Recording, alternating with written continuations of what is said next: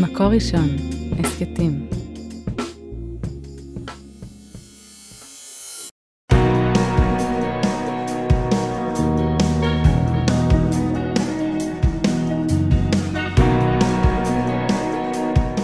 פרשה משלהן, פודקאסט שבועי על פרשת השבוע מבית מקור ראשון. על ההקלטה והסאונד אוהד רובינשטיין, עריכה והפקה יקי אפשטיין, יהודית טל ועדי שלם רבינוביץ'. שלום הרבנית חמוטל שובל. שלום הרבנית שירה מרילי מירביס. פותחות חומש. וואו, ואיזה חומש. חמישה חומשים פותחות היום. חומש בראשית. חומש בראשית. אז נגמרו החגים ואנחנו מתפללות לאיזושהי שגרה, ובתוך השגרה הזאת גם פרשת השבוע מתחילה איתנו ממש מההתחלה. יש בזה משהו קולנועי, נכון? אני מדמיינת מים ו- ואור ומים מעל המים ותוהו ובוהו. יש בזה משהו מאוד מאוד ציורי בתחילת הספר הזאת. בוראים עולם, מאוד מרגש. בוראים עולם ובוראים אותו בתהליך, אה, לאט-לאט, צעד אחרי צעד. כל יום משהו אחר, כל יום משהו חדש, כל יום איזושהי תוספת לבריאה הזאתי, וכל יום יש על הבריאה הזאתי התבוננות מחודשת. זאת אומרת, יש את הטבע, נכון? יש לנו את הצמחים, ויש לנו את האורות, ויש לנו את בעלי החיים, ואז מגיעים לאדם. ב- ביום השישי, אחרי שכל הבריאה באמת עומדת והעולם עומד, וחסר את הגרנד פינאלה, והאדם זה הגרנד פינאלה. אולי השבת זה הגרנד פינאלה גם. שניים, סוג של. אני חושבת שהם תלויים אחד בשני, זאת אומרת, אין שבת בלי אדם ואין אדם בלי שבת. כן. אבל אה, כן, אז הם נמצאים שם ביחד, בדיוק בסוף הבריאה או בהתחלה של העולם, תלוי מאיפה מסתכלים על זה. כן. אה, וצריך לשים לב שיש משהו מאוד מאוד מעניין, דווקא בהתחלה של ספר בראשית, על הפרשה הראשונה בחומש בראשית, יש לנו איזשהו פער בין פרק א' לפרק ב'. נכון, אז תכף נדבר על הפער. אה, סיפרתי לך פעם איך הכרתי את רונן, האיש שלי, סיפרתי לך? אה, לא? יפה, אז אה, לפני הרבה שנים אה, הייתה תוכנית ההתנתקות, וזה היה איזשהו אה, מהלך אה, לאומי, מדיני, מאוד מורכב וקשה, ואני מצאתי את עצמי מפגינה נגד ההתנתקות. ושם גם מצאתי אה, בחור אה, מאוד נאה, שגם הוא הפגין נגד ההתנתקות, ושבתנו רעב ביחד. זה הכי רומנטי שלך. נכון. שבתנו רעב נכון, ביחד. נכון, ממש זה... ממש רומנטי, זה, יש בזה, תנסו. זה, זה, זה היה מאוד, אה, תקופה מאוד מלהיבה ומרגשת, ובסופה, אם משהו טוב יצא מההתנתקות, זה אנחנו, והיו עוד כמה זוגות לא מעטים. אז נבנה בית. כן, אחרי, ש... אחרי החורבן אז גם נבנה הבית, וחשבתי על זה, יש בזה משהו מאוד מוזר, זאת אומרת, הוא לא הגיע מעולמות אה, דומים לשלי, ואני לא בטוחה שהיינו נפגשים. זאת אומרת, הייתה, היה תחושה של מין תסריט כזה, שגם הייתה תוכנית מדינית של התנתקות, וגם למדתי באוניברסיטה העברית, וגם היה שם תא סטודנטים, וגם יצאנו להפגין, כאילו מישהו שזר מישהו. הקדוש ברוך הוא שזר איזה עלילה, הוליך אותנו בכל מיני uh, תהפוכות, בשביל שניפגש. וזה גרם לי לחשוב, האם uh, את מאמינה שיש uh, בשרט, כאילו שיש מיועד אחד? אה, לא. סליחה שאני הורסת את בהכי לא השמחות. רומנטי שלך, כן. לא, לא, אני דווקא חושבת שזה הכי רומנטי שיש. אני לא מאמינה שיש אה, בן אדם אחד, אני מאמינה שכל פעם בשלב שאתה נמצא בו בחיים, שם יש את הבן אדם שמתאים לך לאותה, לאותה נקודה, לאותה התפתחות רוחנית, לאותו שלב שבו אתה נמצא. אה, אבל אני חושבת שזה מהמם, שבעצם אנשים שביום-יום אולי היו חולפים אחד על פני השני בלי כן. שיקרה שם משהו, איזה שהם נסיבות מאוד מאוד מיוחדות, הביאה אותם אה, לפתוח את הלב, ובאמת להכיר אחד את השני מעבר לקליפות של אנחנו לא דומים, אנחנו לא מאותו רקע, אנחנו לא מאותו זה, ובאמת להצליח ליצור שם איזשהי קשר אה, מיוחד, איזשהו קשר מיוחד. אז באמת יש לנו זום אין על הזוג הראשון אה, בהיסטוריה, על אדם וחווה. ואני חושבת שהרבה פעמים אנחנו לא שמות לב, כי הגננת דילגה על זה כשלמדו את סיפורי בראשית בגן, אבל יש סיפור בריאה בפרק א', ויש סיפור בריאה הפוך ושונה לגמרי בפרק ב'. זאת אומרת, בפרק א' יש זכר ונקבה ברא אותם, הקדוש ברוך הוא בורא איש ואישה. ובפרק ב' יש את הסיפור המפורסם שהאדם בודד מתהלך בעולם לבדו, והקדוש ברוך הוא אומר, אעשה לו עזר כנגדו. והוא מרדים את האדם, ובניתוח, אה, רציתי להגיד ניתוח לב פתוח, אבל זה ניתוח אחר, צלע. ניתוח צלעות, לוקח אה, חתיכה ממנו ובונה אישה. ולמרות שהגננת דילגה, הפרשנים ממש לא מדלגים ואומרים, רגע, איך יכול להיות שיש לנו שני סיפורי בריאה, בפרק א' ובפרק ב', תשבו השבוע בבית כנסת או במניין רחוב, ו- ושימו לב, זה סיפורים ממש ממש שונים. זה סיפורים שונים, ואני חושבת שהם מנסים כל אחד מהם לתת לנו אור על מקום אחר, אבל uh, כמובן שהפרשנים uh, לאורך כל הדורות uh, לא, לא התעלמו מזה. זאת אומרת, השוני הזה כל כך קופץ לעין, והוא היה חייב התייחסות. זאת אומרת, ניסיון, איזשהו ניסיון להסביר את הפער, את המתח הזה. למה אנחנו צריכים שני סיפורי בריאה? למה אנחנו צריכים פעמיים לספר איך נברא האדם, ולמה הם כל כך שונים אחד מהשני? אז ההתמודדות הראשונה זה של הגמרא במסכת ברכות. והגמרא במסכת ברכות אומרת ככה, אה, כתיב זכר ונקבה בראם, וכתיב כי בצלם אלוקים עשה את האדם. הכיצד? זאת אומרת, איך יכול להיות שפעם אחת זכר ונקבה בראם, ופעם אחת הקדוש ברוך הוא ברא אדם? בתחילה עלה במחשבה לברות שניים, ולבסוף לא נברא, אלא אחד. וואו. אז יש פה, לדעת הגמרא, לכתחילה ובדיעבד. כן. של הקדוש ברוך הוא, לא סתם, לא שלנו. כן. לכתחילה ובדיעבד של הקדוש ברוך הוא. זאת אומרת, בפרק א', הקדוש ברוך הוא עלתה במחשבתו לברוא שניים. אבל בפועל, כשהוא בסופו של דבר באמת יצר את האדם, בפרק ב', זה היצירה של מה שקרה באמת, הוא ברא אותו אחד. שזה מאוד מעניין, כי בעצם אני הייתי חושבת שזה יכול להיות הפוך. הקדוש ברוך הוא חושב לברוא אחד, ואז הוא אומר, רגע, צריך, פה. שניים. אבל אני חושבת שזה מאוד מאוד מעניין ש, שזה הולך בצורה הדרגתית. זאת אומרת ש, שאולי האדם צריך קודם כל אה, ללמוד להיות עם עצמו. אנחנו הרבה פעמים, אה, אה, אני קוראת הרבה פעמים טורים אה, על, על רווקות, ונושא מאוד מאוד מורכב. ויש לי חברה שכותבת הרבה בפייסבוק, והיא כותבת, תפסיקו לתקן אותי, תפסיקו להגיד לי, תעשי ככה, תעשי סדנת מודעות, סדנת זה, סדנת תזונה, סדנת סטיילינג. אה, כדי שתוכלי למצוא זוגיות. היא אומרת, אני טובה כמו שאני, ואני אמצא זוגיות אם ירצה השם, אבל אל תתקנו אותי, אל תגידו כל הזמן, צריכה להיות אחרת כדי להיות בזוגיות. ויכול להיות שהמסר פה אומר, תלמדו קודם כל להיות עם עצמכם, להיות בשלמות עם עצמכם, לפני שאנחנו עוברים לשלב הבא שהוא זוגי. זאת אומרת, כל בן אדם הוא שלם בפני עצמו, ורק כן. אחר כך השלב הזוגי. אבל בעצם בחומש זה נכתב הפוך. נכון. בפרק א', הם שניים. זאת אומרת, זכר ונקבה באותה ישות, באותו גוף. ורק אחר כך, בפרק השני, זה אדם שהקדוש ברוך הוא הרדים אותו, כן. ואחר כך נוצרה ממנו האישה. ו- וזה נורא מעניין, אני חושבת שזה ממש מוביל למחשבה, מה העניין, איך זה היה נראה, האדם הזה שהוא זכר ונקבה? מה היתרונות והחסרונות להסתובב מלכתחילה, מאיך שאתה נוצר בעולם, להסתובב עם הבן אדם שלך כל הזמן. כן, לא, לא לחפש אותו. זה... זה... לא לחפש אותו, ומצד שני כל הזמן לשמוע אותו באוזן, זה יכול גם קצת להעיק, כאילו אין, אין כן. רגע של שקט. ואין אלמנט בחירה. עכשיו, רש"י אומר משהו מאוד מעניין, אה, שאולי הוא הכי מפורסם, הוא אומר, כלל שלאחריו מעשה הוא פרטו של הראשון. הוא אומר, לא, אין פה סתירה, אין פה משהו ש... אל תחפשו יותר מדי אה, אה, איך להתמודד עם פרק א' ופרק ב', לא, אלא פירוט. זאת אומרת, בהתחלה הקדוש ברוך הוא כותב, ויברא את האדם, ואז הוא חוזר ומפרט איך התהליך הזה קרה. זאת אומרת, באמת אין פה סתירה, אלא יש פה כלל ופרט. ו...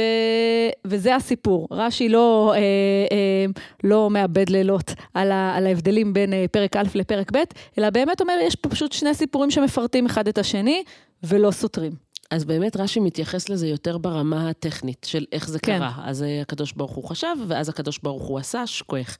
אבל אפשר להסתכל על זה גם ברמה הרבה יותר רחבה, זאת אומרת, יותר במח... ברמה מחשבתית, תיאורטית, כמו שהרב סולובייצ'יק עושה בספר המקסים שלו, נכון? איש האמונה הבודד. אמ, ש... ש... שהרב סולובייצ'יק לוקח את שני הפרקים האלו של, של אה, ספר בראשית, והוא אומר, בסדר, מעבר לעניין הטכני של איך בדיוק נברא האדם, הוא נברא בשתיים, הוא נברא באחד, או... יש פה עניין של שני סוגים של אנשים בעולם, או שני prototype של אנשים בעולם. ואולי אפילו שני, אה, שתי פנים בנפש שלנו, של כל אדם. זאת אומרת, זה יכול להיות או שני אנשים שונים, או בן אדם אחד שיש בו מורכבות. בשלבים מסוימים בחיים אתה יכול להיות מסוג אחד, נכון. וכאילו בן אדם של פרק א', או בן אדם של פרק ב'. כן. אז בוא שנייה נדבר, מה זה הבן אדם של פרק א'? אז הוא אומר שהבן אדם של פרק א', זה אדם שחי בחברה, אדם נורא נורא חברותי, שחי בציבור, ותמיד צריך את ההתרחשות, והוא אף פעם לא בודד. זאת אומרת, הוא אדם שלא לא חווה את העולם אף פעם לבד, אמ, ובאמת העניין הזה של להיות עם אנשים סביבך, אה, ואנשים ש, שכל הזמן משלימים אותך, אין לך רגע עם עצמך. וזה האדם אה, של פרק א'. אז האדם של פרק ב', בשונה מהאדם של פרק א', הוא... יש בו איזושהי בדידות קיומית. בעצם זה שהוא מסתובב לבד בעולם, תדמיינו, אני כאילו ב... יכולה לדמיין את העולם המושלם, את החיות, את, ה... את כל הצומח, ואדם אחד מסתובב שם, בגן הזה, וכאילו מסתובב שם עם עצמו, ואין לו עם מי לדבר. כן. יש פה, והרב סולובייצ'יק מתאר את זה כל כך יפה, שבעצם זה בא לתאר איזושהי חוויה של בדידות קיומית, שהיא יכולה להיות גם כשאנחנו היום, ברוך השם, מסתובבים בעולם שהוא מלא באנשים, עדיין יכולה להיות איזושהי חוויה של בדידות קיומית אינהרנטית בתוך הקיום שלי. אה, והבן אדם הזה, הוא חווה את הבדידות הזאת, והוא צריך לישון, הוא צריך ללכת... אה, הוא צריך להיות כאילו לא בתודעה, כדי שיוכלו ליצור מתוכו את האישה. הוא גם מוסיף שיש את האדם שהוא doing, שזה האדם של פרק א', שהוא כל הזמן עסוק בעשייה ובאנשים סביבו. יצירה. ויצירה. ויש את האדם שהוא being. כן. פעם מישהו שאל אותי, האם את בן אדם של doing או being? זאת אומרת, האם יש לך את הרגעים שאת יכולה לחשוב ולהיות עם עצמך ולהתמודד עם המציאות, ויש אנשים שכל הזמן צריכים לעשות אה, כדי, כדי לא לחוות את זה. ואני זוכרת שכשנסענו אה, לפולין, בין כיתה י"א וי"ב, היה לי מאוד מאוד קשה ההתמודדות עם כל המסע, אז צילמתי. ואמרתי, אם אני כל הזמן מצלמת, אז אני מוצאת כל הזמן תעסוקה עם עצמי, ואני לא צריכה לחוות באמת את הדבר, זה מנגנון הדחקה. את גם חווה את המציאות מבעד לעדשה. את לא באמת נמצאת שם, את מסתכלת על הכל מבעד לאיזשהו משהו שמפריד אותך ממה שקורה. בדיוק, וכאילו, וככה חוויתי את השבוע הזה. עכשיו, תחשבי, זה לפני עידן הסמארטפונים, אז היה לי פילמים.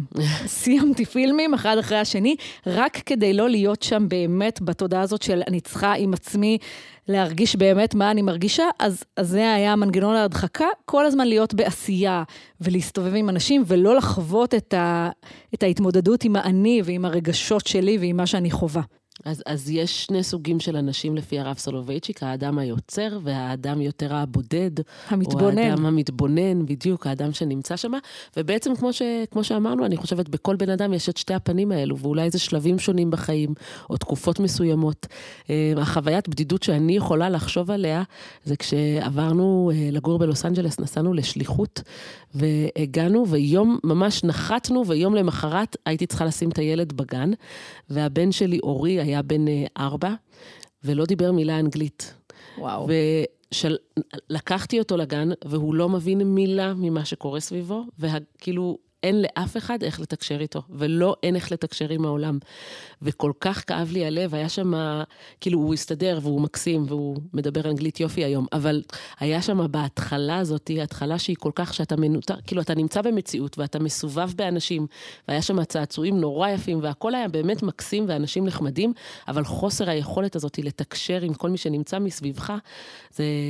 זה הרגיש לי נורא נורא בודד, ובאמת אני חושבת שיש שם כמה ימים שהם אה, לא פשוטים. כל בן אדם שהיגר ממדינה למדינה בטח אה, כן. מבין על מה אני מדברת, אה, ואיך אתה עוזר במקום הזה של הבדידות המאוד מאוד לא פשוטה שנמצאת שם. אז הזוג הבא של האנשים שפחות או יותר מסתובבים לבד בעולם אחרי אדם וחווה, זה הילדים שלהם. וסיפור קין והבל מופיע גם הוא בפרשת בראשית. ואני חושבת שאנחנו כהורים מתכווצים כשאנחנו קוראים את הסיפור הזה. נולדים שני ילדים ראשונים בעולם, ולא מסתדרים. זאת אומרת, יש, יש ביניהם תחרות כזאת, ו, והם שניהם רוצים לרצות, ושניהם רוצים להצליח, ובעוד שהבל מצליח, קין לא, לא מתמודד עם זה טוב, אה, והורג את הבל. ו, וגם פה, זאת אומרת, הרבה קולמוסים נשברו על, ה, על המדוכה של להבין מה, מה, מה היה ביניהם, מה היה כל כך קשה ביניהם. אה, ולמה קין לא הצליח למצוא את מקומו בעולם. וגם העונש שלו, אני כבר קופצת לסוף, אבל העונש שלו, של נע ונד, בעצם אה, מקבע את מה שקשה לו בעולם. כי קין לא מוצא את עצמו, לא בעבודה שלו, ולא בהתנהלות שלו, במערכת יחסים שלו עם אח שלו, ובעצם העונש שלו זה שהוא ממשיך להיות נע ונד, שאין לו חיבור, שאין לו עוגן, שאין לו בית. זאת אומרת, יש פה משהו מאוד מאוד קשה של בן אדם שלא מוצא את עצמו בעולם, שהוא חסר מנוחה, וזה נורא נורא קשה. אז שוב, שוב אני חוזרת לרש"י, ו, ורש"י באמת מסביר את, ה, את ההבדלים ביניהם. הוא אומר, כן, היו פה שני סוגים של אנשים. הבל היה איש טוב, וקין לא היה איש טוב. ו, והוא אומר ש, שבאמת, כשהוא הביא את, ה, אמ, את הקורבנות, וכשהיה ביניהם את המין התחרות הסמויה הזאת, את ה, אל המנחה של מי הקדוש ברוך הוא ישעה, אז באמת הבל אה, עשה את המאמץ להביא את הכי טוב, וקין לא. וכשיש את המשפט הזה, ויאמר קין, זאת אומרת, לא ברור בכלל מה, מה עבר ביניהם, כי התורה לא מדברת על זה. אז uh, כותב רש"י, נכנס עמו בדברי ריב, רוצה להתעולל עליו לבורא. זאת אומרת, היה חרחור ריב כזה, היה ביניהם משהו רע. אז uh, בדיוק הפוך מרש"י, הספורנו קורא את קין והבל, וממש מלמד לנו זכות על קין. והוא קורא את הדמות של קין בצורה אחרת לגמרי. הוא אומר, קין עשה הכל טוב, הוא עשה הכל בסדר. הוא מבחינתו כאילו היה, הוא בחר להיות, אה, אה, אה, הבל בחר להיות רועה צאן, בגלל שהוא היה חכם יותר, וזו הייתה התנהלות אחרת. וקין אהב את האדמה, כי זה מה שהתאים לו, להיות, כאילו לא מתוך מחשבה רעה, לא מתוך כוונה רעה, אלא להפך, כל אחד מהם בחר במשלח יד שהתאים לו. והמנחה... אה, הוא אומר, זה פשוט מקרה שהמנחה של הבל היא, היא המנחה הנכונה, וקין לא ידע מה המנחה הנכונה. אבל זה לא שהוא רצה לחרחר ריב עם הקדוש ברוך הוא, זה לא שהוא רצה לחרחר ריב בין הבל לבין הקדוש ברוך הוא, אלא באמת, הוא פשוט לא ידע מה המנחה הנכונה. והבל הצליח לעלות על זה, והצליח כאילו להביא את הטוב שבצאן, והצליח לדייק את המנחה שלו, וקין לא הצליח לדייק את המנחה שלו, אבל לא מתוך איזושהי כוונה מכוונת מלכתחילה. אמ, את חושבת שיש אה, דבר כזה ילדים טובים וילדים רעים? זהו, אז, אז אני חושבת שבדיוק קין והבל זה כאילו אפשר לקרוא אותו, האם הוא מלכתחילה היה ילד רע קין? הוא, הוא נולד... ילד מעצבן, כאילו, כן. כאילו הוא נולד ילד שבכוונה רוצה, מחפש לריב, מחפש לעצבן, מחפש לזה. אני, אני עם ספורנו, אני חושבת שקין, הוא לא, לא הייתה לו כוונה מוקדמת לעצבן, הוא רצה לעשות טוב, ופשוט יצא לו עקום כל פעם, והלב שלי יוצא אליו. לא יודעת, אני, אני הולכת עם רש"י, זאת אומרת, אני חושבת שלצערנו יש אנשים בעולם שהם פחות טובים. ואני יודעת שיש עניין כזה, את יודעת, זה מאוד מודרני כזה להגיד שהכל תלוי נסיבות, ומה הילד אה, סבל אה, בילדותו המוקדמת, ואולי אה, יש איזו אימא ששתתה אלכוהול ושינתה לו את איזה מבנה הכימי במוח. אבל אני כן חושבת שיש, זאת אומרת, אני חושבת שהכל בר תיקון. אבל יש אנשים שנולדים אה, טובים יותר, או לפחות ש, שקל להם להיות טובים יותר בעולם, ויש אנשים שהנחת המוצא הפיזית, הביולוגית, הכימית, לא יודעת איך להגדיר את זה, היא פחות טובה. זאת אומרת, הם נולדים בפחות רצון לעשות טוב, אולי הם תמיד חושבים על מה... על מה לא טוב, הם חושבים על, אה, על גם מה אפשר לקלקל בעולם ולא רק מה שאפשר לעשות טוב, ואני חושבת שצריך להתמודד עם זה בכנות. זאת אומרת שלא לא כל הילדים הם אה, נהדרים וטובים, ולפעמים הנסיבות גורמות להם לעשות רע, אלא יש אנשים שזו הנטייה שלהם. וואו, אני ממש לא מסכימה. אני חושבת ש, שילדים שמחפשים לקלקל, זה כי רע להם ממש. משהו בלב קשה להם, הבדידות הקיומית הזאת אולי מהלכת איתם, והם מחפשים את המקום שלהם בעולם. זה לא נובע ממקום רע שאתה רוצה לקלקל. זה נובע ממקום שאני לא מאופס על מי אני, מי חיי, מה תפקידי בעולם, מה השליחות שלי, מה הכוחות שלי, ואתה פשוט מנסה בכל מיני דרכים. ולפעמים אתה מנסה בדרכים לא טובות, ולפעמים הניסיון שלך גורם לקלקול בעולם. אני ממש מבינה פה את קין, הוא ניסה לעשות טוב, ויצא לו רע. כאילו, יצא לו עקום. אתה, נכון, יש את הבדיחה הזאתי, שאתה מעביר זקנה את הכביש, אבל היא לא רוצה לעבור את הכביש? כן. אז כזה, אה, כאילו, הוא באמת ניסה לעשות טוב, בואי, תחצי את הכביש, תחצי את הכביש, אבל היא לא רצתה לחצות את הכביש.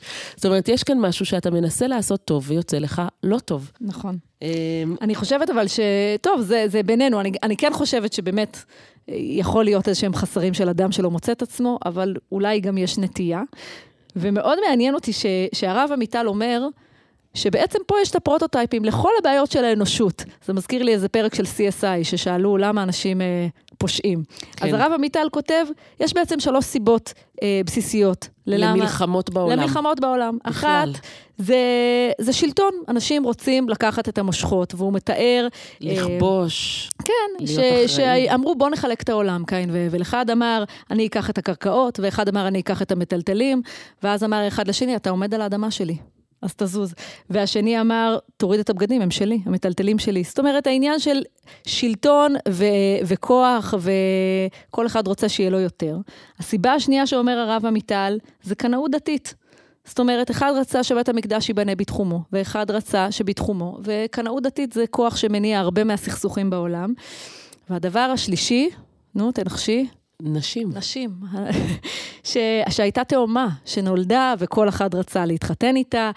אה, ובעצם הרב עמיטל מסביר בסיפור הזה, אה, הקדוש ברוך הוא מסביר לנו אין המון המון סיבות שאנשים רבים בעולם, אבל פחות או יותר הן מתכנסות לשלושה אה, גרעינים מרכזיים, האחד זה כוח ושלטון, השני זה, כל אחד אומר, אני מצאתי את, את האלוקות, האמת נמצאת אצלי, האמת הדתית, והשלישי זה, זה בני זוג.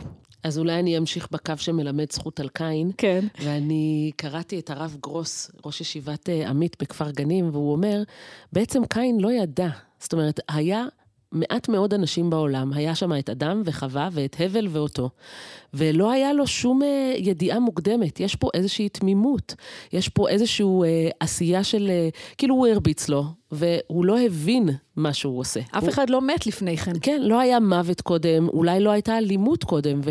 לא היו כאילו, עוד אנשים, כן. כן, לא היה עוד אנשים, ולא היה פה איזושהי כוונה להרוג, לא הייתה פה איזושהי תובנה בכלל של מוות, אלא באמת יצא לו רע, פשוט יצא לו רע ו- ולא מתוך כוונה רעה. עכשיו, הפרשה נפתחת בעולם חדש, ביצירה, איזו התרגשות מרחפת אה, פה על הפרשה, ו- ולקראת הסוף אה, הקדוש ברוך הוא אה, נ- נ- מתנחם על כך שיצר את האדם, רואה את הרוע ו- ואת המורכבות. ווואו, זה... ופסוק עם האנשה כל כך כל כך יפה, נכון? שהקדוש ברוך הוא וינחם על ליבו. והתעצב על ליבו, כן. והתעצב על ליבו. משהו... אבל הוא גם מתעצב, אבל הוא גם מתנחם. נכון, מתנחם על כך שהוא עשה את האדם ומתעצב על ליבו. אה, ויש סיפור מאוד יפה אה, שמופיע בגמרא, גוי אחד שאל את רבי יהושע בן כורחה. אמר לו, אין אתם אומרים שהקדוש ברוך הוא רואה את הנולד? זאת אומרת, מה, הקדוש ברוך הוא לא ידע שזה מה שיקרה, הוא ברא עולם? מה, מה הוא עכשיו... למה הוא ציפה? כן, למה הוא עכשיו מתעצב? אמר לו, הן. עונה לו הגוי, אבל כתוב, ויתעצב אל ליבו. אמר לו, נולד לך בן זכר מימיך? אמר לו, הן. אמר לו, מה עשית? אמר לו, שמחתי ושימחתי את הכל. אמר לו, ולא היית יודע שסופו למות? אמר לו, בשעת חדווה חדווה, בשעת אבל אבל. אמר לו, כך מעשה לפני הקדוש ברוך הוא. ונזכרתי בזה שכשנולדה לי בתי הבכורה, יש איזו התרגשות, והלב עולה על גדותיו, ואת אומרת, ואמרתי לעצמי, יואו, כאילו... אני אימא. איזה, איזה, איזה מרגש מטורף. זה, ו- ושיניתי את הסטטוס של ההורים שלי, ושלי, ושל סבתות שלי, והכול חדש. ואחרי חודש מצאתי את עצמי אה, באיזה לילה, שתיים לפנות בוקר, אני רעבה, היא רעבה, שתינו בוכות. חיתול מלא. אני לא יודעת מה היא רוצה. עייפות גדולה. אמרתי לעצמי, וואי, זה נורא ואיום. וחשבתי על זה שהרבה פעמים יש, העולם שלנו נורא מורכב, יש לנו הרבה הרבה שמחות, וזה לא אומר שלא יבוא איתם גם עצב וגם אה, אפילו חרטה, והעולם ממשיך להתקיים. אז הרב שטיינזלץ כותב על זה נורא יפה, שהקדוש ברוך הוא ידע שהוא ברא אנשים ושהוא ברא עולם, שזה לא יהיה מושלם. כי עובדה, הוא הניח אותנו פה בעולם כדי שנמשיך לתקן כל הזמן את העולם. אבל עדיין כשזה קורה, זה עדיין יש בזה משהו שהוא קשה, שהוא מבאס. אה, כשה, כשהיצירה שלך היא לא מושלמת, אתה יודע שהיא לא מושלמת, אבל כשהיא מתנהגת בצורה לא מושלמת, זה עדיין יש פה איזשהו והתעצב אל ליבו. אה, אז שבאמת נמשיך לתקן כל הזמן. כן, שנדע שאם הקדוש ברוך הוא ברא עולם והיה צריך אה, לתקן אותו, שאנחנו לא נתייאש מהמעשים שלנו. חלילה, אין ייאוש בעולם כלל. על ההקלטה והסאונד אוהד רובינשטיין, עריכה והפקה יקי אפשטיין, יהודי טל ועדי שלם רבינוביץ'. את הפרק הזה, כמו את כל שאר הפרקים, תוכלו למצוא באתר מקור ראשון, בספוטיפיי, באפל מיוזיק וגם בגוגל. שבת שלום. שבת שלום.